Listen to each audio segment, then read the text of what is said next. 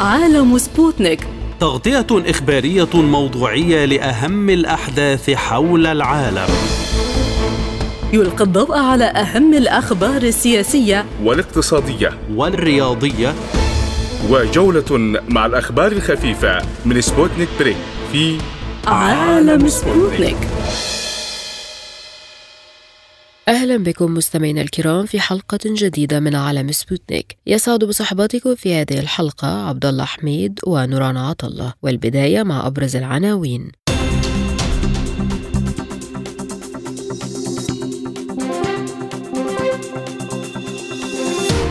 موسكو تحذر الغرب من تزويد كييف بمقاتلات إف 16 لافروف يقول إن قمة مجموعة السبع تهدف إلى الاحتواء المزدوج لروسيا والصين والخارجية الصينية تتهم المجموعة بتأييد الانفصاليين في تايوان. اتفاق جديد في جدة على وقف إطلاق النار لأول مرة في السودان مع هدنة إنسانية. بدء التصويت في جولة الإعادة بالانتخابات الرئاسية التركية. اقتصاديا روسيا تستهدف تصدير نحو 55 مليون طن من الحبوب وحصد 130 مليون طن سنويا كمتوسط. حذر نائب وزير الخارجية الروسي ألكسندر غروشكو الغرب من تزويد أوكرانيا بطائرات مقاتلة مؤكدا أن جهود الغرب تنطوي عليها مخاطر هائلة بالنسبة له. وأكد غروشكو أن الدول الغربية تواصل اتباع طريق التصعيد في النزاع الأوكراني وستأخذ روسيا في الاعتبار عزمه على نقل مقاتلات F-16 إلى كييف. وقال نائب الوزير إن هناك حركة على طول ما يسمى سلم التصعيد. ونرى أن الدول الغربية لا تزال متمسكة بسيناريو التصعيد ما ينطوي عليه مخاطر هائلة بالنسبة لها. تأتي تعليقات الوزير في أعقاب دعم الولايات المتحدة لجهد دولي مشترك لتدريب الطيارين الأوكرانيين على استخدام الطائرات المقاتلة الحديثة بما في ذلك مقاتلات F-16 ما يمهد الطريق لإرسال طائرات مقاتلة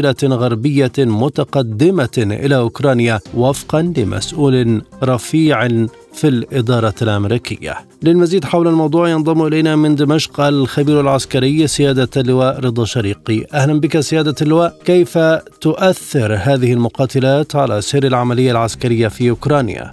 العملية العسكرية للاتحاد الروسي في أوكرانيا تسير بالخطى التي خطتها الرئيس بوتين تماما. والقوات تعمل بشكل صحيح ولكن هناك بعض الدعايات التي تقوم بها الدول الغربية للحد من من يعني تقدم هذه القوات أو من يعني فكرة انتصار هذه القوات ولكن هذا لا يضر شيء اطلاقا. لا الدبابات التي التي سلمت من قبل الغرب إلى إلى الأوكران ولا الطائرات فيما لو سلمت إلى أوكرانيا ستغير من مسار أو من من من نتائج الحرب. لأن الحرب كما قلت هي مخططة بشكل صحيح وستسير بخطى ولكنها ولو أنها بطيئة ولكنها تسير بالاتجاه الصحيح وأعتقد أن الجانب الروسي أو الاتحاد الروسي بشكل عام لا يريد أكثر مما حقق في هذه الحرب. ولو أنه كان يريد أكثر لكانت الأسلحة التي تستخدم من قبل روسيا كانت كانت أسلحة مختلفة ولا كانت أسلحة حديثة. لا يعرف عنها الغرب شيئا. وكما نعلم جميعا أن الاتحاد الروسي يتقدم ومتقدم بالأسلحة بشكل كبير جدا وخاصة بالأسلحة المضادة للطائرات والأسلحة المضادة للدرع والأسلحة المدرعة أيضا. وكما أنها يعني متطورة أيضا في مجال الغواصات والبحار. أما موضوع الاف 16 فهذه الطائرة فعلا هي من جيل الجيل الرابع في الولايات المتحدة الأمريكية وفي العالم. طائرة متفوقة إلى حد ما ولكنها لا تستطيع المواجهة مع الطائرة ميج 29 والطائرة ميج 31 والطائرة 7 سو 57 هذه الطائرات لها فاعلية أكبر وأعتقد أن أيضا الدفاعات الجوية الروسية ستدمر هذه الطائرة ولن يكون لها هذا الدور الكبير في موضوع يعني تحويل مجرى الحرب لصالح الأوكران. الحرب تسير باتجاه المصالح صالح لصالح الجيش الروسي وما تحقق في الأيام الأخيرة ببخمون يعني يدل دلالة واضحة على أن إقليم الدومباس وقادما إلى خيرسون وقادما إلى أوديسا سيكون دائما لصالح القوات الروسية. ما الهدف من إرسال هذه المقاتلات في توقيت يتزايد فيه الحديث عن ضرورة التهدئة؟ أعتقد أن الأمريكان يعني يريدون إطالة أمد هذه الحرب وكما تحدثنا سابقا لأنهم يريدون إنهاك الجميع. هم يعتقدون أنهم ينهكوا الجيش الروسي لوحده ولكنه في الحقيقة أن الخاسر الأكبر في هذه الحرب هم الأوكران ويجب أن يعوا ذلك الأوكران. وكذلك الأوروبيون أيضا ينهكون ويستنزفون الأوروبيون وأعتقد أن الوضع الاقتصادي ووضع التضخم والوضع الاجتماعي في في في أوروبا يدل على ذلك. وبالتالي هذه هي سياسه سياسة الولايات المتحدة الأمريكية التي تعمل دائما على دائما إيقاظ وإيوار الحروب في اماكن مختلفة من العالم كي تبقى هي بمعزل وبعيده عن هذه المسائل وكي تنهك الجميع.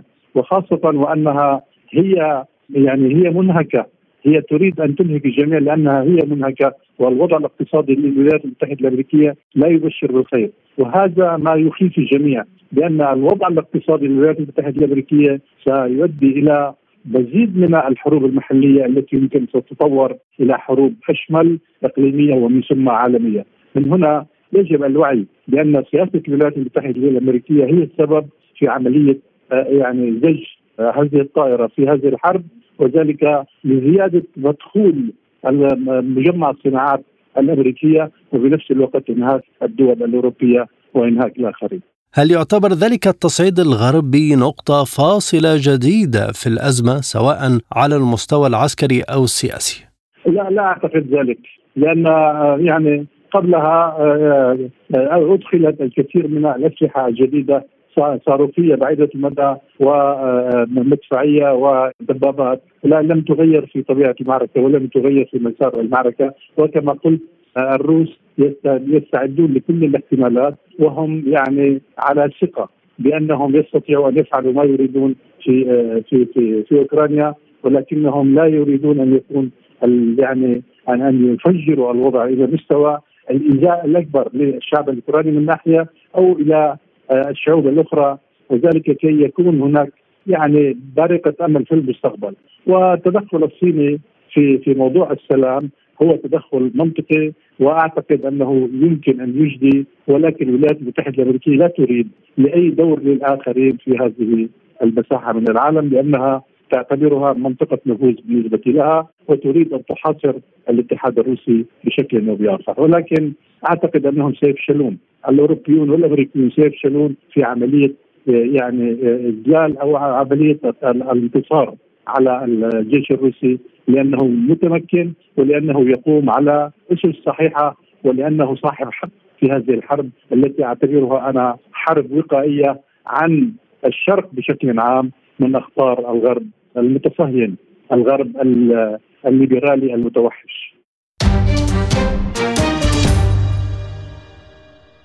قال وزير الخارجية الروسي سيرجي لافروف في الدورة الحادية والثلاثين لمجلس السياسة الخارجية والدفاعية إن روسيا مجبرة على الرد بحزم وثبات على الحرب التي أعلنها الغرب ضدها. ووصف لافروف القرارات التي اتخذتها قمة مجموعة السبع في هيروشيما بأنها تهدف إلى الاحتواء المزدوج لروسيا والصين مشيرا إلى أن المسار الغربي بالشكل الذي عرفته السياسة الخارجية الروسية حتى وقت قريب استنفد نفسه. ودخلت روسيا مرحلة المواجهة المواجهة الحادة مع كتلة عدوانية تضم الولايات المتحدة والاتحاد الأوروبي وحلف شمال الأطلسي. وذكر أنه تم تحديد المهمة بشكل صريح وعلني وهي هزيمة روسيا في ساحة المعركة ولكن دون التوقف عند هذا الحد بل المضي قدما للقضاء عليها كمنافس جيوسياسي مؤكدا أن أي دولة تطالب بمكانة مستقلة في الساحة العالمية سيتم قمعها أيضا باعتبارها منافسا. من جانبها وجهت الصين اتهامات لدول مجموعة السبع بتأييدهم للانفصاليين في تايوان بتجنبهم ذكر معارضة استقلال تايوان في البيان الصادر عن القمة المنعقدة في هيروشيما. ذكرت الخارجية الصينية في بيانها أن دول مجموعة السبع تصدر بيانات حول الحفاظ على السلام في مضيق تايوان لكنها لم تذكر شيئا عن رفضها استقلالها ما يعد تأييدا صريحا للقوى الانفصالية في تايوان. وقالت إن تسوية أزمة تايوان هي من شأن الشعب الصيني مؤكدة أنه يجب ألا يستهين أحد بالإصرار الشديد والإرادة الصلبة والقدرة الهائلة للشعب الصيني بشأن الدفاع عن السيادة الوطنية ووحدة أراضيه. حول الموضوع تنضم إلينا من القاهرة الدكتورة نورهان الشيخ أستاذ العلوم السياسية. أهلا بك دكتورة. بماذا تفسرون القرارات التي اتخذتها مجموعة السبع والتي تستهدف روسيا والصين؟ يعني الحقيقة في توجه عام لدى مجموعة السبع وخصوصا الولايات المتحدة وبريطانيا آه، للتصعيد في مواجهة الصين. وده توجه استراتيجي يعني ليس مجرد آه، يعني آه، تصرفات تكتيكية أو مرتبطة بأزمة ما ولكن توجه استراتيجي عبرت عنه العقيدة الدفاعية الأمريكية الجديده اللي نشرت في 27 أكتوبر 2022 من جانب البنتاجون وأيضا المراجعة الدفاعية الدورية اللي بتقوم بها بريطانيا واللي جت حقيقة مبكرا عن وقتها واللي برضو تم نشرها في 13 مارس الماضي. وكلا كلا الوثيقتين طبعا في غاية الأهمية لأنها وثائق عسكرية. تعبر عن التوجه الاستراتيجي للدولتين وفيهم تم الإشارة صراحة إلى الصين باعتبارها تهديد رئيسي وده الحقيقة كان منحى جديد لأن عادة كانت روسيا بتتصدر التهديدات للبلدين الآن روسيا والصين معا بيتصدروا التهديدات الاستراتيجية للبلدين وبيعتبر البلدين يعني روسيا والصين تهديدا لامنهم القومي ولمكانتهم الدولية، وبالتالي كل هذه القرارات هي محاولة من جانبهم لشحذ التأييد ويعني التحرك في إطار الغرب الجماعي وحلفائه في مواجهة الصين وروسيا والتصعيد الحقيقة. يعني في مواجهة الصين يعني في خطوات كثيرة منها طبعا تحالف أوكس وإحياء الحوار الأمني الرباعي اللي كان اللي عقد طبعا اجتماع على هامش قمة السبعة. بحضور الهند واستراليا. وهذا أمر أيضا تطور فكرة تشبيك المسارات الاقتصادية لأن مجموعة السبع المفروض إنها مجموعة اقتصادية مع المسارات الأمنية والتحالفات الأمنية والاستراتيجية. ده الحقيقة أمر أيضا في غاية الأهمية والخطورة وتصعيد شديد. إلى جانب ما حضرتك بقى ما اشرته من المضمون البيان. آه، سواء فيما يتعلق بالصين أو بروسيا هناك تصعيد آه، يعني غاية في الخطورة سواء فيما يتعلق بالصين في حاله تايوان أو روسيا فيما يتعلق أيضا بنوعية الأسلحة اللي هيتم إمداد أوكرانيا بها في الفترة القادمة واللي بتتضمن الحقيقة منظومات يعني جوية لم يكن من المتصور إمدادها مثل إف 16 وغيرها. لافروف لفت إلى أن المسار الغربي استنفذ نفسه ودخلت روسيا مرحلة المواجهة الحادة مع هذه الكتلة، فأي شكل من التصعيد يحمله المستقبل؟ الحقيقة لم يعد شيء مستبعد يعني حتى إحنا كنا زمان لما بنتحدث عن الحرب النووية كنا بنعتقد إنها محض خيال أو المواجهات النووية تعتبر محض خيال. ولكن الغريب إن رغم إنه القمة عقدت في هيروشيما و بالتالي استحضرت يعني المأساة الإنسانية والعالمية اللي قامت بها الولايات المتحدة في هيروشيما وناجازاكي وهي في الواقع جريمة. يعني جريمة حرب تعاقب عليها الولايات المتحدة. إلا إنه دروس الماضي آه، أعتقد إنها لم تكن يعني آه، كافية يعني لردع الغرب الجماعي وحتى اليابان عن المضي قدما في في التصعيد. وبالتالي كل الأفاق يعني للأسف مفتوحة ويعني يعني روسيا والصين بتدافعان عن أمنهم القومي عن يعني شعوبهم عن يعني عن عن مستقبل التنمية وعن مستقبل العالم ككل لأن الحقيقة البلدين بيسعوا إلى عالم متعدد الأقطاب أكثر توازنا أكثر عدالة للجميع بما فيها حتى دول الجنوب. وهذا يبرر لماذا دول الجنوب أكثر تعاطفا؟ وأكثر ميلا مع روسيا آه، والصين. آه، لكن للأسف الغرب يعني لا تفيده دروس الماضي والحقيقة هناك مئات علامات التعجب آه، كيف من هيروشيما يصدر بيان بهذه الحدة يفتح آفاق لكل السيناريوهات بما فيها حتى المواجهات النووية ولو محدوده ما أسباب الاستمرار في مواجهة روسيا والصين رغم فشل كل المؤامرات العسكرية والاقتصادية لإسقاط البلدين بالإضافة إلى موافقة ضمنية على الورقة الصينية لإنهاء أزمة أوكرانيا؟ أيضا المسألة يعني تأخذها الولايات المتحدة ومعها بريطانيا بالتأكيد على أنها مسألة وجودية الولايات المتحدة بترى أنها تدافع عن وجودها كقوة آه، عالمية مهيمنة والحقيقة المسار المواجهة والتصعيد ليس هو المسار الوحيد. يعني ننظر للشراكة الروسية الصينية. آه، روسيا على سبيل المثال منحاها تجاه الصين كان مختلف. آه لم لم لم تنتهج نهج المواجهة والتقويض والاحتواء وغيرها من مساليب التصعيد ولكن الشراكة فكانت الشراكة مثمرة للبلدين ومجدية للبلدين جدا على الصعيدين الاقتصادي والأمني. لكن للأسف الولايات المتحدة اتخذت مسار المواجهة مع الصين ومع روسيا بهدف آه يعني تقويض البلدين حلحله استقرار البلدين وأيضا حلحله خطوات التنمية التنميه الاقتصادية اللي حققت نجاحات في البلدين آه، وهذا أمر خطير لأنه لن يؤثر على روسيا والصين بقدر من وجهة نظري ما سيؤثر على الولايات المتحدة ذاتها. ونحن نتابع انهيار البنوك الأمريكية و تدهور سوق الأسهم والسندات مشكلة الدين الأمريكي اللي أصبحت الحقيقة معضلة تهدد الولايات المتحدة. يعني آه، الحقيقة كثير جدا مما اتخذته الولايات المتحدة يعني آه، ارتد الحقيقة بعمق في يعني أوضاعها الاقتصادية وحتى الاستراتيجية والعالمية. وبالتالي السهم الحقيقة التي أرادت أن يصل إلى الصين أو إلى روسيا أعتقد أنه ارتد في القلب الأمريكي وأصبح خطر يهدد الولايات المتحدة من الداخل قبل وضعها الدولي. إذا دكتورة ما هي الاستراتيجية المتاحة لتهدئة الأجواء بين الغرب من جهة وروسيا والصين من جهة أخرى؟ يعني المفتاح الحقيقة آه، في في يد الولايات المتحدة للأسف الشديد لأنه الصين وروسيا قدمت العديد من المبادرات روسيا في في قبل حتى بداية العملية العسكرية تقدمت آه، بمقترح يقوم على فكرة الضمانات الأمنية وللأسف الولايات المتحدة رفضت وطبعا معها الناتو. الصين أيضا تقدمت بمبادرة للأمن العالمي ولكن مرة أخرى الولايات المتحدة عرقلت هذه الجهود ويعني أبدت انزعاجا أو ربما فتورا تجاه المبادرة لأن الولايات المتحدة لا تريد ان أن تظهر الصين بأنها القوة العالمية التي تدعم الاستقرار في العالم وبالتالي هي الحرب بالنسبة للولايات المتحدة أكثر قبولا من أن يأتي السلام على يد الصين من وجهة نظر أعتقد واشنطن وبالتالي يعني آه، ربما يعني يحدث تغيرات داخلية ما آه، تعيد الولايات المتحدة إلى نهج أكثر رشادة آه، ربما في إطار الإدارة الحالية أو نأمل بقى أن تأتي إدارة جديدة تكون أكثر حكمة وأكثر رشادة وتعيد الأمور إلى نصابها.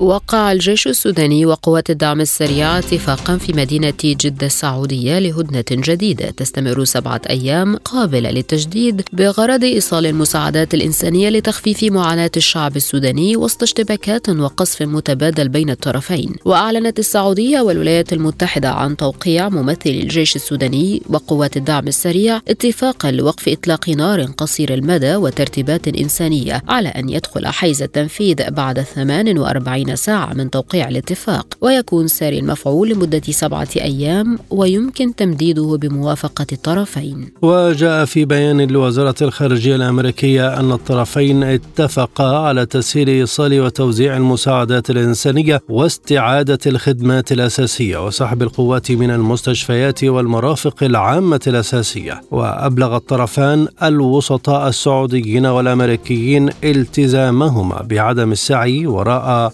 ميزة عسكرية خلال فترة الإخطار البالغة 48 ساعة بعد توقيع الاتفاقية وقبل بدء وقف إطلاق النار الذي سيدخل حيز التنفيذ مساء الاثنين بتوقيت الخرطوم. ولفت البيان إلى الاتفاق على تشكيل آلية لمراقبة وقف إطلاق النار بدعم من السعودية والولايات المتحدة وجهات دولية. لمزيد من التفاصيل معنا من القاهرة دكتور زحل الأمين أستاذة القانون الدستوري السوداني والدولي. بعد التحية يعني هل هناك ضامن حقيقي لهذه الهدنة بالتزام الطرفين؟ الاتفاق آه، طبعا نشر البارحة بين بين يعني الفصيلين المتحاربين في السودان على وقف إطلاق النار لفترة آه 12 يوما. أو سبعة أيام مبدئيا قد تمتد إلى 10 أيام. لسه يعني سبعة أيام مبدئيا وهذا الاتفاق كما ذكرت نص على وقف إطلاق النار ولكن آه لم يعني ينص على ضامن لوقف هذا يعني لوقف لمراقبة هذه الهدنة الإنسانية. ولكن عدم وجود ضامن في المرة في الاتفاق الفايت الذي تم النص عليه الذي وقع الإعلان الذي وقع يوم 12 مايو من هذا الشهر آه عدم وجود ضامن أدى إلى فشل هذا الاتفاق، أدى على فشل الاتفاق الهدنة لم ينص الاتفاق السابق لم ينص على وقف إطلاق النار وإنما هو نص على آه يعني مر آه على حماية المدنيين، نص على وجود ممرات آمنة والسماح بالخروج للمدنيين العارقين في أماكن احتجازهم والسماح لهيئات الاقاصه العاملة. في في في في, في المجال الإنساني مثل اللجنة الدولية للصليب الأحمر والهلال الأحمر بال يعني مساعدة الضحايا من الجانبين وعدم التدخل في عملهم وكل هذا ما نص عليه وفعلا كان يتناول الجانب الإنساني فقط. ولكن هذا الاتفاق لم يصمد أمام الاشتباكات التي كانت تدور على الأرض. ولكن الاتفاق الاتفاق الجديد أيضا تناول نفس الموضوعات الموضوعات السابقة التي يعني هي تتعلق بالمسائل الإنسانية ولكن لأول مرة يتم النص على وقف إطلاق النار. وقف إطلاق النار يحتاج إلى ضمانات على الأرض من غير ضمانات على الأرض سوف تستمر المعارك وسوف يفشل الاتفاق ولكن يعني من يعني هذا الاتفاق نص على أو من المحتمل يعني أن تتم مراقبة هذا الاتفاق بواسطة ضامنين من الدول التي رعت الاتفاق نفسه السعودية والولايات المتحدة الأمريكية عن طريق آه، يعني وسائل تضمن عدم تجدد يعني عدم تجدد الاشتباكات أثناء سريان الاتفاق ومراقبته بوسائل يعني مراقبة عن بعد مثل الرادارات والوسائل وال يعني الوسائل التي تسمح بأن لا تتجدد الاشتباكات. إذا ما طبيعة هذه الضمانات التي ذكرت وجوب وجودها على الأرض؟ آه ضمانات تضمن يعني عدم تجدد الاشتباكات مثل يعني مراقبة هذه الهدنة مراقبة هذه الهدنة من قبل الجهات التي رعت الاتفاق ما هي هي الضامن الوحيد ليست هنالك يعني يعني هي الضامن الوحيد لعدم تجدد الاشتباكات أن تكون هنالك جهة رقابية لأن الاتفاق اتفاق يوم 12 لم ينص على جهة رقابية لوقف إطلاق النار مما يعني أدى إلى فشل الاتفاق كما تعلمين ولكن كيف يمكن مراقبة هذه الهدنة والعمل على استغلالها لإيصال المساعدات الصحية العاجلة للمرضى في السودان؟ أساسا الهدنة السبب الرئيسي للهدنة هي المساعدات الإنسانية المساعدات الإنسانية وعلى فكرة يعني مسألة المساعدات الإنسانية هي ليست مسألة يعني متروكة لأطراف النزاع ليغرروا بشأنها. هذه مسائل منصوص عليها في اتفاقيات القانون الدولي الإنساني والسودان جزء من اتفاقيات جنيف الأربعة لسنة 49 منذ العام 57 السودان نال استقلاله في العام 56 ووقع في العام 57 على اتفاقيات جنيف الأربعة. وبالتالي أصبح هذه الاتفاقيات ملزمة له إذا ما دارت هنالك معارك أو نزاعات مسلحة. السودان ملتزم بهذه الاتفاقيات بالذات اتفاقية جنيف الرابعة الخاصة بحماية المدنيين والتي تنص على عدم استهداف المدنيين والتي تنص على يعني عدم استهداف الأعيان المدنية. يعني موارد المياه والكهرباء والمستشفيات والكباري وال... ولكن كل هذا تم استهدافه في هذه الحرب. وبالتالي يعد هذا خرقا لالتزامات الدولة بموجب القانون الدولي الإنساني. وهذا نزاع داخلي كما تعلمين يعني. حتى في النزاعات الداخلية فإن هنالك بروتوكولات إنسانية يعني اتفاقيات جنيف أيضا بها ملحقين. اللي هو في في سنة 1977 وقع البروتوكول الإضافي الثاني الخاص بالنزاعات المسلحة غير الدولية مثل هذا النزاع، أيضا هذا النزاع تغطيه اتفاقيات دولية ملزمة آه، يعني يجب على أطراف النزاع احترامه ومن ضمنها الالتزام بحماية المدنيين، وبالتالي هذا الاتفاق أصلا هو اتفاق موجود. يعني منصوص على كل هذه البنود في اتفاقيات السودان جزء منها. وهذه الاتفاقيات الآن بعد توقيع اتفاق يعني ميثاق روما للمحكمة الجنائية الدولية في العام 98 أصبح هذا التزام حتى للدول التي لم توقع الدول التي لم توقع على اتفاقية جنيف باعتبار أن هذه هذه الانتهاكات انتهاكات لل... لل... هي جرائم ضد الإنسانية. والمجتمع الدولي ملزم بمراقبة مثل هذه الانتهاكات لأنها تمس حقوق الإنسان وتمس التزامات الدولة بموجب القانون الدولي الإنساني هل من المنتظر أن تبدأ موجة نزوح كبيرة استغلالا لهذه الهدنة من السودانيين إلى الخارج؟ هي موجة النزوح ظلت مستمرة منذ اليوم الأول للنزاع. منذ يوم 15 آه، أبريل الفائت يوم أن اشتعلت هذه الحرب بدات موجة نزوح ولجوء أيضا. موجه نزوح واسعة للسودانيين داخل يعني الأراضي السودانية هنالك أكثر من مليون و800 و200 شخص هم نزحوا من الخرطوم ومثل هذا العدد أيضا أو أقل منه يعني حوالي 700 800 ألف سوداني لجأوا إلى الخارج للدول المجاورة وبالذات مصر وإثيوبيا وتشاد وجنوب السودان. فايضا يعني هذا يعني بدأ منذ اليوم الأول للحرب ولكن آه آه هنالك من لم يستطع مقاتلة الخرطوم تحت وابل النيران ووابل القصف والطرق آه غير آمنة كانت للخروج. الآن إذا كانت تم تنفيذ هذه الهدنة فسوف تتيح لمزيد من العالقين داخل الخرطوم بالمغادرة إما نزوحا داخل السودان أو لجوءا خارج السودان.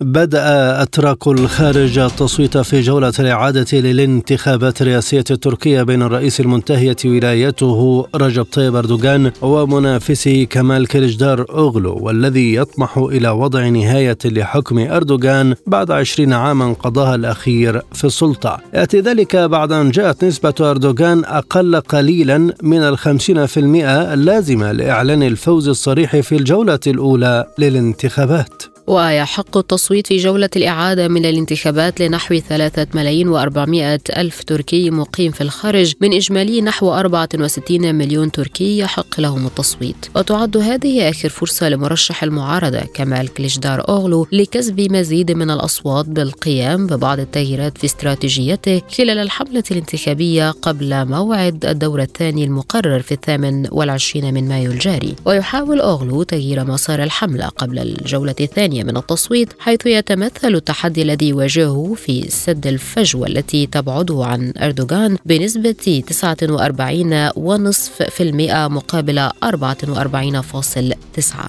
من إسطنبول ينضم إلينا الكاتب والمحلل السياسي الأستاذ أحمد حسن. أهلا بك سيدي الكريم. هل يؤثر تصويت الناخبين في الخارج على مسار التصويت بالداخل التركي؟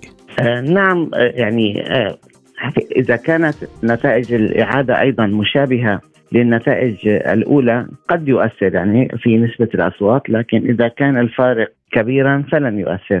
لذلك يعني التوقعات نعم بالاتجاه الثاني الطرفان يحشدان آه، الخارج من أجل الذهاب إلى الانتخاب ومن أجل يعني توقع الحصول على أصوات لأن كل طرف يحتاج هذه الأصوات. لكن احتمال أنهم يؤثران بشكل كبير ليس واردا جدا كما في المرحلة الأولى بسبب أن كليشدار والرئيس أردوغان هما واحدان حاليا الذين يعني في الجولة الثانية وبسبب وجود فارق كبير بين الرئيس أردوغان وبين كليشدار في هذا الجانب لهذا السبب المستفيد أكثر من الجولة الخارجية هو الرئيس أردوغان وحزب العدالة هو الذي يحشد أكثر في الخارج. كيف يمكن النظر إلى الأيام الأخيرة قبل انطلاق التصويت في الداخل وما ارتداداتها؟ نعم آه نلاحظ أن حزب العدالة آه مستمر في حملة آه الاستفادة من اخطاء المعارضة، يعني اليه اليه الحملات التي قام عليها حزب العدالة في المرحلة السابقة مستمر فيها وهو الاستفادة من اخطاء المعارضة وإظهار أنها معارضة هي التي تحتاج إلى تغيير وليس السلطة التي تحتاج لتغيير لأن لديها أجندة غير وطنية، أجندة غير مرتبطة بتعزيز دور تركيا الخارجي والداخلي، بينما نلاحظ أن المعارضة قلبت كل الحملة يعني وصارت حملتها معاكسة تماما لما كانت عليه فكريستار اوغلو الذي حالل الجميع ووعد الناس باحتضان كافة الشرائح والكتل الشعبية في في تركيا ووعد بأنه قادر على تعديلات السياسة الخارجية، تعديلات السياسة الداخلية، حاليا نلاحظ أنه اختلف تماما في حملته فبدأ يحشد خلف قاعدته الأيديولوجية التي يعني لديها بعض الأولويات الخاصة تجاه المرأة، تجاه المحافظين، آه، تجاه بعض التيارات الملتزمة دينيا، آه، تجاه اللاجئين، تجاه آه، ملفات تتعلق بأمور حساسة لبعض الفئات الشعبية في تركيا، فهذا الحشد الأيديولوجي يدل على أن المعارضة باتت تخشى الخسارة بشكل كبير جدا، لهذا السبب حزب العدالة حاليا يركز تماما على خطوة أن هذه المعارضة أيضا بحاجة تغيير. وهذه وهذا يعني مؤشر يعني كبير جدا في الأسبوع الحالي، الأسبوع الحالي كل الذين يصرحون من حزب العدالة وباقي الكتل القريبة للتحالف تركز على أن المعارضة آه، تمشي في اتجاه خطاب يحرض الشارع باتجاه خطاب يقسم الشارع ولهذا السبب هذه المعارضة باتت تحتاج تغيير تغيير آلية العمل تغيير آه، آه، كيفية بناء يعني معارضة قوية لتكون لبناء الوطن وغيرها.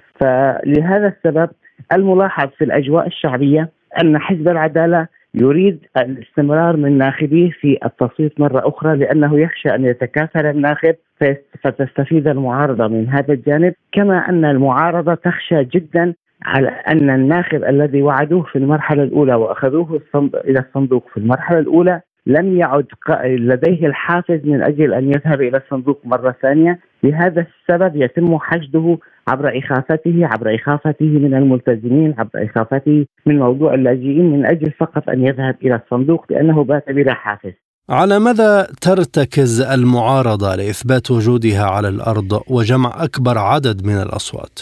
على عامل الخوف حاليا كان في في المرحلة السابقة يركزون على عامل الأمل إن سنغير الوضع سنغير وسنقدم أجواء ديمقراطية أعلى وكذا لكن حاليا على عامل الخوف يخيفون الناس آه، وحاضنتهم الشعبية على أن المرحلة القادمة ستكون مرحلة مخيفة جدا على صعيد الاقتصاد، على صعيد اللاجئين، على صعيد آه، الخطر على بعض الفئات المتحررة وغيرها، ولهذا السبب نعم يقولون لهم أن هذه إذا انتصرت آه، آه، إذا انتصرت السلطة مرة أخرى فسيتم بعد هذا الانتخاب آه، تصفية الشارع المعارض وسيتم أيضا السماح للاجئين بالدخول وستدخل موجات كبيرة يعني حتى أن كليشدار يعني بات يخطئ كثيرا في الأرقام، بات يخطئ كثيرا في المعطيات يعني حتى إنه مثلا يوم أمس تحدث عن إمكانية وصول 20 مليون لاجئ سوري آخر إضافة إلى 10 مليون لاجئ سوري موجود في تركيا وكلها أرقام خاطئة. يعني كل عدد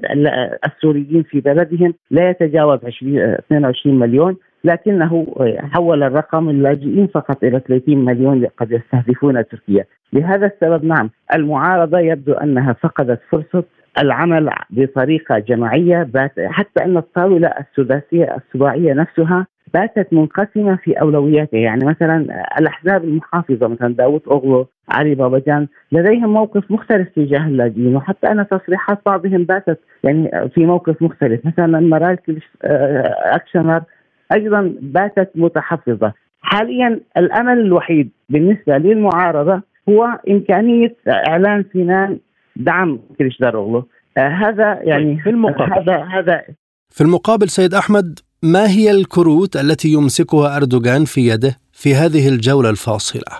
نعم أول كرت يمسكه الرئيس أردوغان هو أن الناخب التركي لا زال يعني لدي لا زال لديه قاعدة شعبية كبيرة لدعم حزب العدالة رغم المنافسة الشديدة. يعني أول كرت أمسك به الرئيس أردوغان وهو أن هنا حصل هناك مشكلة كبيرة في تركيا على صعيد الزلزال، هناك مشكلات اقتصادية، هناك مشكلات تتعلق بملفات اللاجئين وغيرها، ومع ذلك لا زال لا زال الناخب التركي متمسك بحزب العدالة. فاعتبرها الرئيس أردوغان على أن هذه تعكس على أن هذا الناخب لا زال مدركا أن حزب العدالة هو القادر على حل مشكلات تركيا ولهذا السبب أيضا الرئيس أردوغان اعتمد حملته على جانبين، الجانب الأول الاعتراف بالأخطاء و واحترم الناخبين سواء الذين انتخبوه أم لم ينتخبوه، فقال من لم ينتخبنا أدركنا يعني اخطائنا الذي وقعنا فيها من أجل إصلاحها، ومن انتخبنا نحتاج إلى تعزيز آه، آماله وطموحاته، فيعمل الرئيس أردوغان على آه، تعزيز الطرفين في نفس الوقت، يعني جذب الذين لم ينتخبوه في المرحلة الأولى وتعزيز آه، عودة الذين انتخبوه في المرحلة الأولى. وبناء على هذا الخطاب بات المؤشر داخل تركيا للفئة المترددة على أن خطاب أردوغان هو أقرب اليهم. إلى أي مدى ستكون النسبة بين الفائز في الانتخابات ومنافسه قليلة كما رأيناها في الجولة الأولى؟ آه، لا بالمرحلة الثانية لا أحد يتوقع من كثير من المحللين أن تكون الفئة قليلة إلا في حال يعني حصلت مفاجأة ما قبل في يوم قبل الانتخابات أو يومين. لكن ضمن الظروف الحالية يبدو أن الفئات المترددة يعني خيارها إما أن لا تذهب إلى الصندوق وإما أن تنتخب الرئيس الثاني. حتى أن فئة الشباب حاليا منزعجة من موضوع يعني التفضيل الذي حصل بهم من من من استطلاعات الرأي التي كانت ممولة من المعارضة من إعلام الرأي الذي كان من المعارضة. فلهذا السبب نعم هناك توقعات حتى أن يكون الفارق يعني آه، خمس نقاط آه، أو ست نقاط ما بين الطرفين. لكن تركيا المجتمع منقسم ومعروف ايديولوجيا مستوى التقسيم. فأنا بتوقعاتي يعني قد يكون الفارق لكن ليس فارقا كبيرا. تستهدف روسيا تصدير نحو 55 مليون طن من الحبوب وحصد 130 مليون طن سنويا كمتوسط وذلك بحسب تصريحات النائبة الأولى لوزير الزراعة الروسي. تصريحات المسؤولة الروسية تأتي بعد أيام قليلة من الإعلان عن تمديد اتفاق البحر الأسود لتصدير الحبوب الأوكرانية لمدة شهرين فقط. وهي الخطوة التي قالت وزارة الخارجية الروسية إنها تأتي لمساعدة البلدان المحتاجة. وفي يوليو 2022 تم توقيع اتفاق تصدير الحبوب الأوكرانية الذي توسطت فيه الأمم المتحدة وتركيا وتم تمديده أكثر من مرة على أساس تنفيذ بنوده كاملة إلا أن الجزء الخاص بتصدير الحبوب والأسمدة الروسية معطل بسبب العقوبات الغربية على روسيا التي تمنع تنفيذ هذا الجزء من الاتفاق رغم تعهدات الأمم المتحدة بتذليل كل العقبات. وقالت لوت أن موسكو تمكنت من تعزيز صادراتها من الحبوب على الرغم من رفض بعض الدول شراء الحبوب الروسية بسبب الصراع في أوكرانيا. وذكرت أنه على الرغم من تراجع عدد الدول المشترية فقد زاد حجم مبيعات روسيا. وتصدر روسيا في الوقت الحالي نحو 80% من حبوبها إلى منطقة الشرق الأوسط وشمال إفريقيا. للمزيد من التفاصيل معنا من صنعاء الخبير الاقتصادي أحمد شمخ بعد التحية أستاذ أحمد يعني هل وجدت روسيا ضالتها في الشرق الأوسط وأفريقيا بالنسبة لتصدير الحبوب؟ شوفي الطلب العالمي كبير لكن أنا في اعتقادي أن روسيا آه، عندها تعاقدات كبيرة ويعني لابد أنها آه، تفي بالطلبات هذه واحتياجات الدول اللي كانت متعاقدة معها سابقا سابقا. يعني إحنا مثلا على سبيل المثال يعني من اليمن آه يعني آه كان يعني بتأخذ يعني بحوالي آه خمسة وخمسة وأربعين في المية. تمام. آه من من روسيا من احتياجاتها من احتياجات اليمن 45% بتأخذها من روسيا. أيضا شوفي الأزمة اللي حصلت مثلا في مصر ها؟ الأزمة اللي حصلت الأزمة اللي حصلت آه، في مصر يعني كان يعني كان كانت تعتمد كثير يعني على على الحبوب من روسيا. الكثير من البلدان العربية بتعتمد أيضا آه، على روسيا. وفي أفريقيا نفس الكلام في بعض دول آسيا نفس الكلام بنسب متفاوتة. آه، روسيا أنا أعتقد إنها يعني مش. يعني الطلب هو البلدان هذه النامية هي بتحتاج روسيا وليس العكس يعني تصديرها من الحبوب أو من غيرها من من السلع الغذائية أو أو يعني أي سلع يعني أخرى آه، يعني هي نفسها آه، تحتاجها هذه البلدان وروسيا أنا في اعتقادي أنها آه يعني السلع الروسية مطلوبة في في في كل في غالبية البلدان وفي إقبال شديد عليها يعني من ناحية اقتصادية و وروسيا هي الآن بتحقق يعني نمو اقتصادي كبير في في مختلف المجالات رغم أنها يعني تعيش في ظل اقتصاد الحرب. ولكن بعد الأزمة الروسية الأوكرانية قد تكون إفريقيا والشرق الأوسط يعني فتحت مجالا أوسع أو أصبحت بديلا لروسيا عن الدول الأوروبية.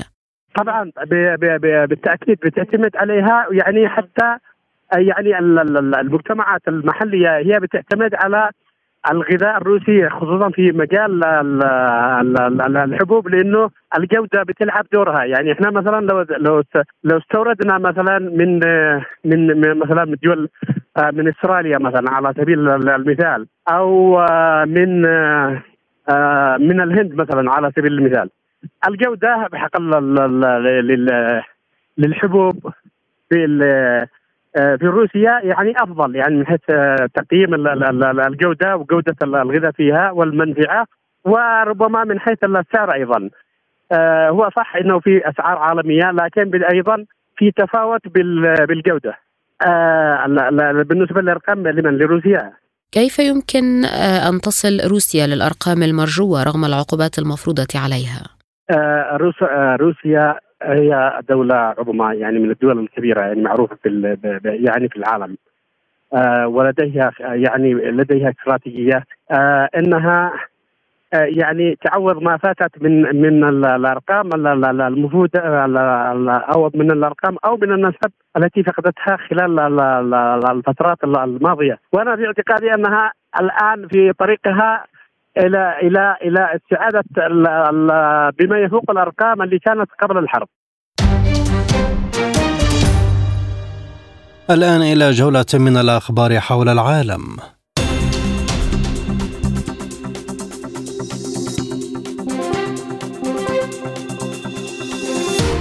اعترف الرئيس الأوكراني فلاديمير زيلينسكي بهزيمة القوات الأوكرانية في أرتيموفسك باخموت وقال زيلينسكي على هامش قمة مجموعة السبعة ردا على سؤال ما إذا كانت أرتيموفسك لا تزال تحت سيطرة أوكرانيا؟ وقال لا أعتقد ذلك اليوم هي موجودة فقط في قلوبنا. الليلة الماضية أعلنت وزارة الدفاع الروسية أن تحرير أرتيموفسك قد اكتمل بدوره هنا الرئيس الروسي فلاديمير بوتين القوات المسلحة الروسية على تحرير أتوموفسك التي تعتبر محورا هاما وحيويا لعمليات نقل وإمداد القوات الأوكرانية بالأسلحة في دونباس حيث دارت معارك ضارية خارج المدينة لعدة أشهر.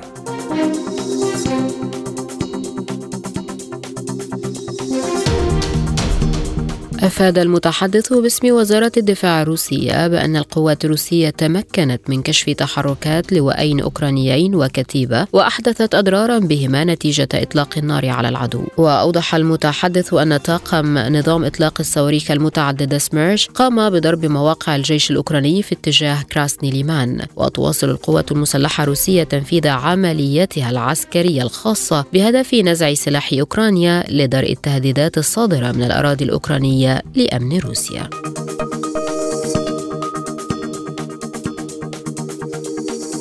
دمرت أطقم مدافع الهاون ذاتية الحركة تولبان التابعة للمنطقة العسكرية الجنوبية احتياطية القوات المسلحة الأوكرانية وعطلت تناوب الوحدات خلال العملية العسكرية الخاصة. وأحبطت أطقم مدافع الهاون ذاتية الحركة من عيار 240 ملي من طراز تولبان التابعة للمنطقة العسكرية الجنوبية محاولة فاشلة لتناوب الأوكرانيين على أحد المحاور التكتيكية للعملية العسكرية الخاصة.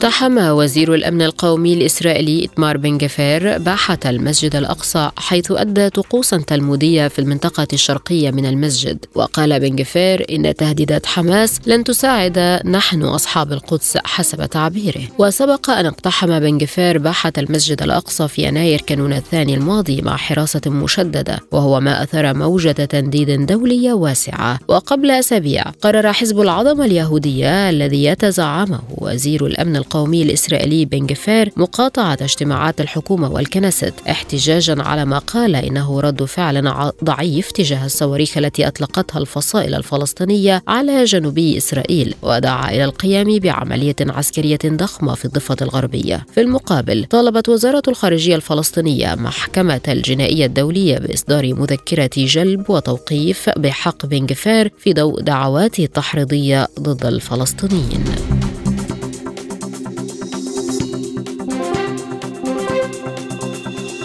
رحبت قوى الحرية والتغيير في السودان بالاتفاق الذي تم توقيعه بجدة بين القوات المسلحة السودانية وقوات الدعم السريع.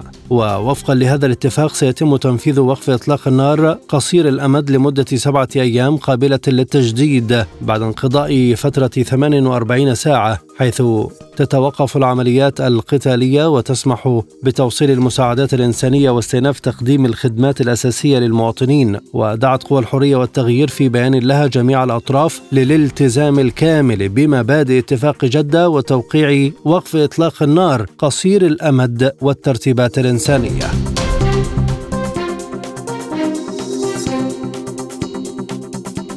قال الأمين العام للأمم المتحدة أنطونيو غوتيريش إن الوقت قد حان لإصلاح كل من مجلس الأمن الدولي ونظام بريتون وودز بما يتماشى مع الواقع في عالم اليوم. ونظام بريتون وودز هو اتفاقية أبرمت بعد الحرب العالمية الثانية في بريتون وودز بالولايات المتحدة بهدف تحقيق الاستقرار في الاقتصاد العالمي. وفي كلمة خلال مؤتمر صحفي في هيروشيما باليابان حيث عقدت قمة مجموعة السبع قال غوتيريش إن مجلس الأمن ونظام بريتون وودز يعكسان يعكسان موازين القوى في عام 1945 ويحتاجان إلى تحديث. مستمرون معكم وهذه تذكرة بأهم عناوين ملفات عالم سبوتنيك. موسكو تحذر الغرب من تزويد كييف بمقاتلات إف 16 لافروف يقول إن قمة مجموعة السبع تهدف إلى الاحتواء المزدوج لروسيا والصين والخارجية الصينية تتهم المجموعة بتأييد الانفصاليين في تايوان. اتفاق جديد في جدة على وقف إطلاق النار لأول مرة في السودان مع هدنة إنسانية. بدء التصويت في جولة الإعادة بالانتخابات الرئاسية التركية. اقتصاديا روسيا تستهدف تصدير نحو 55 مليون طن من الحبوب وحصد 130 مليون طن سنويا كمتوسط. الآن مع أخبار الاقتصاد.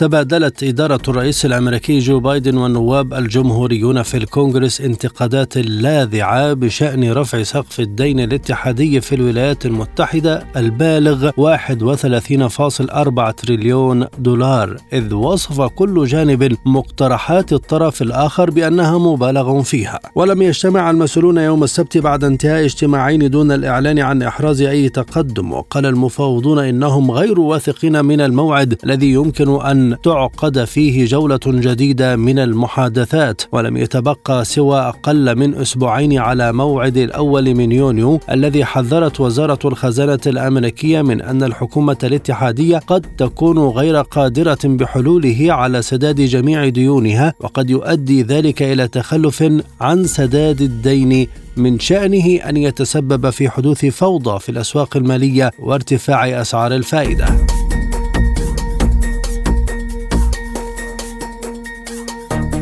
أفادت وكالة بلومبرغ بأن ثروة مارك زوكربيرغ المدير التنفيذي لشركة ميتا نمت هذا العام بمقدار 44 مليار دولار وهذا أسرع نمو في رأس المال بين المليارديرات. يشار إلى أن رجل الأعمال المذكور ركز في عام 2022 على بناء ما يسمى بميتافيرس وهي كلمة تتكون من شقين الأول meta والثاني verse. وذلك بهدف الهيمنة في هذا المجال مع إنفاق كل ما يتوجب على ذلك. ووفقا للوكالة تقدر كامل ثروة زوكربيرغ في اللحظة الحالية ب 89.9 مليار دولار ليدخل بهذا قائمة أثرى الأثرياء حول العالم إذ يحتل المرتبة الثانية عشرة بين أثرياء العالم كما يحتل المرتبة الأولى بين الأثرياء من حيث مقدار ارتفاع ثروته منذ بداية العام الجاري يليه في المرتبة الثانية رئيس شركة لوي فيتون للأزياء برنارد أرنو وفي المركز الثالث رجل الأعمال الأمريكي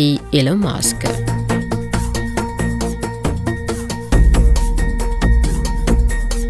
أجبر الجفاف الشديد الذي أصاب قناة بنما بعض سفن الحاويات على تخفيف الحمولة فضلا عن دفع رسوم أعلى مع توقع زيادة أخرى في تكلفة شحن البضائع عبر القناة هذا الصيف. سيتعين على السفن الكبيرة تقليل الجزء الغاطس من بدنها في الماء عن طريق تقليص حمولتها اعتبارا من الرابع والعشرين من مايو على أن يلي ذلك خفض آخر بداية من التاسع والعشرين من مايو كما أعلنت شركات كبرى في مجال الشحن البحري رسوما جديدة على البضائع المشحونة عبر ذلك الممر المائي من أول يونيو على خلفية القيود التي فرضتها القناة. ومن المحتمل أن تؤدي هذه الإجراءات إلى تأخير السلع المنقولة عبر القناة وزيادة تكاليف شحنها ويمر بالقناة 5% من التجارة البحرية العالمية سنوياً.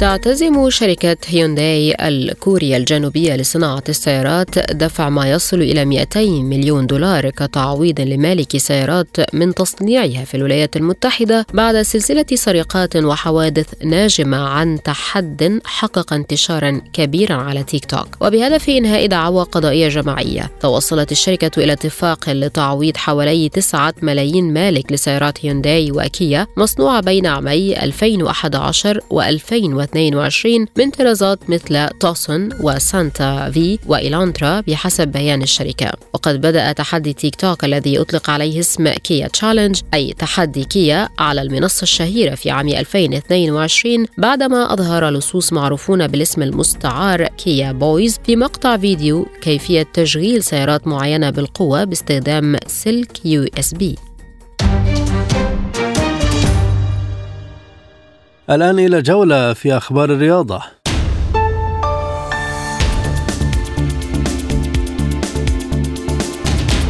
في تكرار لسيناريو الموسم الماضي يواجه الأهلي المصري نظيره الوداد المغربي في نهائي دوري أبطال إفريقيا للموسم الحالي. نجح الوداد المغربي بعبور عقبة سان داونز الجنوب أفريقي بالتعادل 2-2 والتأهل بفارق الأهداف خارج الديار ليضرب موعدا مع الأهلي الذي تأهل بسهولة على حساب الترجي التونسي. بعد ثلاثة مواسم ماضية قرر فيها الاتحاد الأفريقي لكرة القدم إقامة مباراة نهائية واحدة للبطولة يحدد ملعبها. مبكرا. عاد هذا الموسم للنظام القديم. وفي نسخة هذا العام سيقام النهائي على مباراتين في ملعب كل من طرفي النهائي بنظام الذهاب والإياب. تقام مباراة الذهاب الأحد الرابع من يونيو على استاد القاهرة الدولي على أن تقام مباراة الإياب يوم الأحد الحادي عشر من يونيو على ملعب محمد الخامس في الدار البيضاء.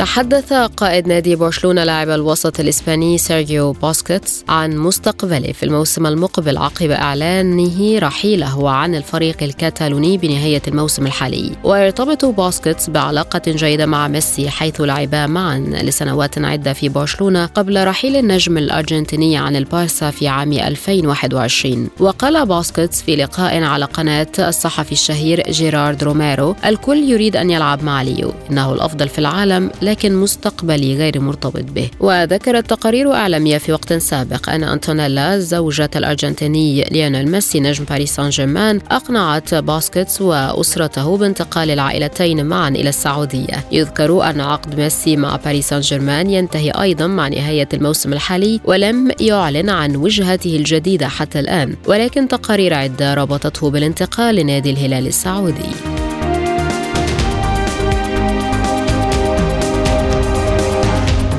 رفض المدرب بيب غوارديولا الكشف عن خططه فيما يخص التعاقدات الجديدة في الميركاتو الصيفي 2023 أو نواياه لتجديد عقود بعض اللاعبين كي لا يؤثر على حظوظ مانشستر سيتي في حسم الثلاثية التاريخية.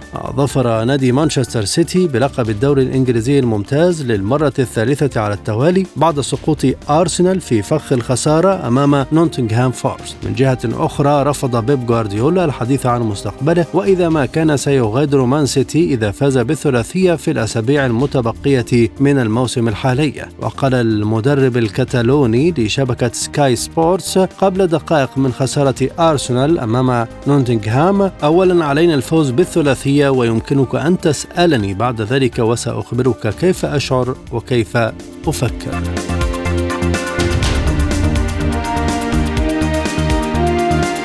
حقق الثنائي البرازيلي روبرتو فيرمينو والمصري محمد صلاح إنجازا تاريخيا خلال تعادل فريقهما ليفربول مع ضيفه أستون فيلا واحد واحد ضمن الجولة السابعة والثلاثين من الدوري الإنجليزي الممتاز. وأحرز جايكوب رامزي الهدف الأول لصالح أستون فيلا في الدقيقة الثامنة والعشرين فيما سجل فيرمينو هدف التعادل لنادي ليفربول في الدقيقة الأخيرة من الوقت الأصلي للمباراة من صناعة صلاح. وذكرت شبكة أوبتا المختصة في إحصائيات كرة القدم أن تمريرة صلاح الحاسمة إلى فيرمينو تحمل الرقم 25 في المساهمات المشتركة بين الثنائي في الدوري الإنجليزي. وأوضحت أن صلاح قدم 12 تمريرة حاسمة لفيرمينو خلال مشاركتهما معا في مباريات الدوري الإنجليزي مقابل 13 تمريرة من المهاجم البرازيلي للفرعون المصري. وأشارت أوبتا إلى أن الثنائي هو أكثر من ساهم في أهداف مشتركة لبعضهما البعض في تاريخ ليفربول بالدوري الإنجليزي.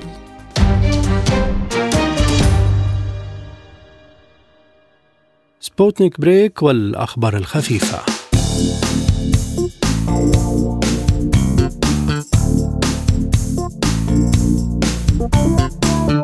أعلنت السعودية عن اكتمال الاستعدادات النهائية قبل انطلاق أول رائدي فضاء سعوديين إلى الفضاء ونشرت الهيئة السعودية للفضاء صورتي رائدي الفضاء السعوديين ريانا برناوي وعلي القرني وكتبت معها اكتمال الاستعدادات النهائية لرائدي الفضاء ضمن طاقم المهمة العلمية قبل التوجه إلى الفضاء يوم الأحد. وفي الشهر الماضي استقبل ولي العهد السعودي الأمير محمد بن سلمان طاقم رواد الفضاء السعوديين قبل انطلاق رحلتهم العلمية نحو محطة الفضاء الدولية التي تبدأ الشهر الجاري. وحرص ولي العهد بصفة رئيس المجلس الأعلى للفضاء على توجيه رسالة إلى رواد الفضاء الأربعة هي أنهم يمثلون قدرات الشعب السعودي وطموحاته في الإسهام بالابتكارات وأبحاث الفضاء لإيجاد حلول مستدامة لخير البشرية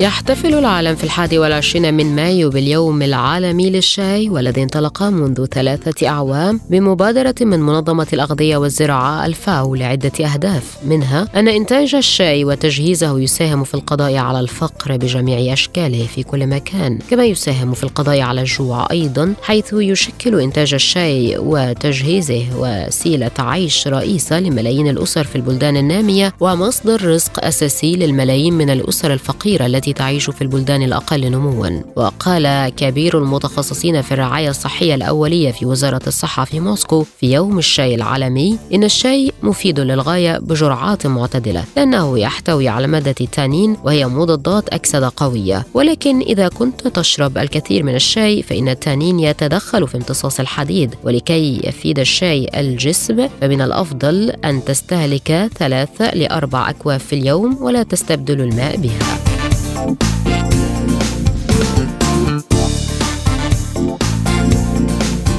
وصلت دراسة حديثة إلى أن هرمونات التوتر في الشعر يمكن أن تكون مؤشرا على احتمال خطر الإصابة بنوبة قلبية أو سكتة دماغية. وفق الدراسة فإن الأشخاص الذين يعانون من مستويات مرتفعة من هرمونات التوتر مثل الكورتيزول فهم أكثر عرضة بمرتين للإصابة بأمراض القلب والأوعية الدموية مثل السكتة الدماغية أو النوبة القلبية في حياتهم. وقام فريق البحث من هولندا بالتحقيق في مستويات الكورتيزول طويلة المدى وشكله غير النشط الكورتيزون الموجود في شعر فروة الرأس. ويشير وجود هذه الهرمونات في الشعر إلى أن الشخص قد تعرض لهرمون الاسترويد استجابة للتوتر في الأشهر السابقة.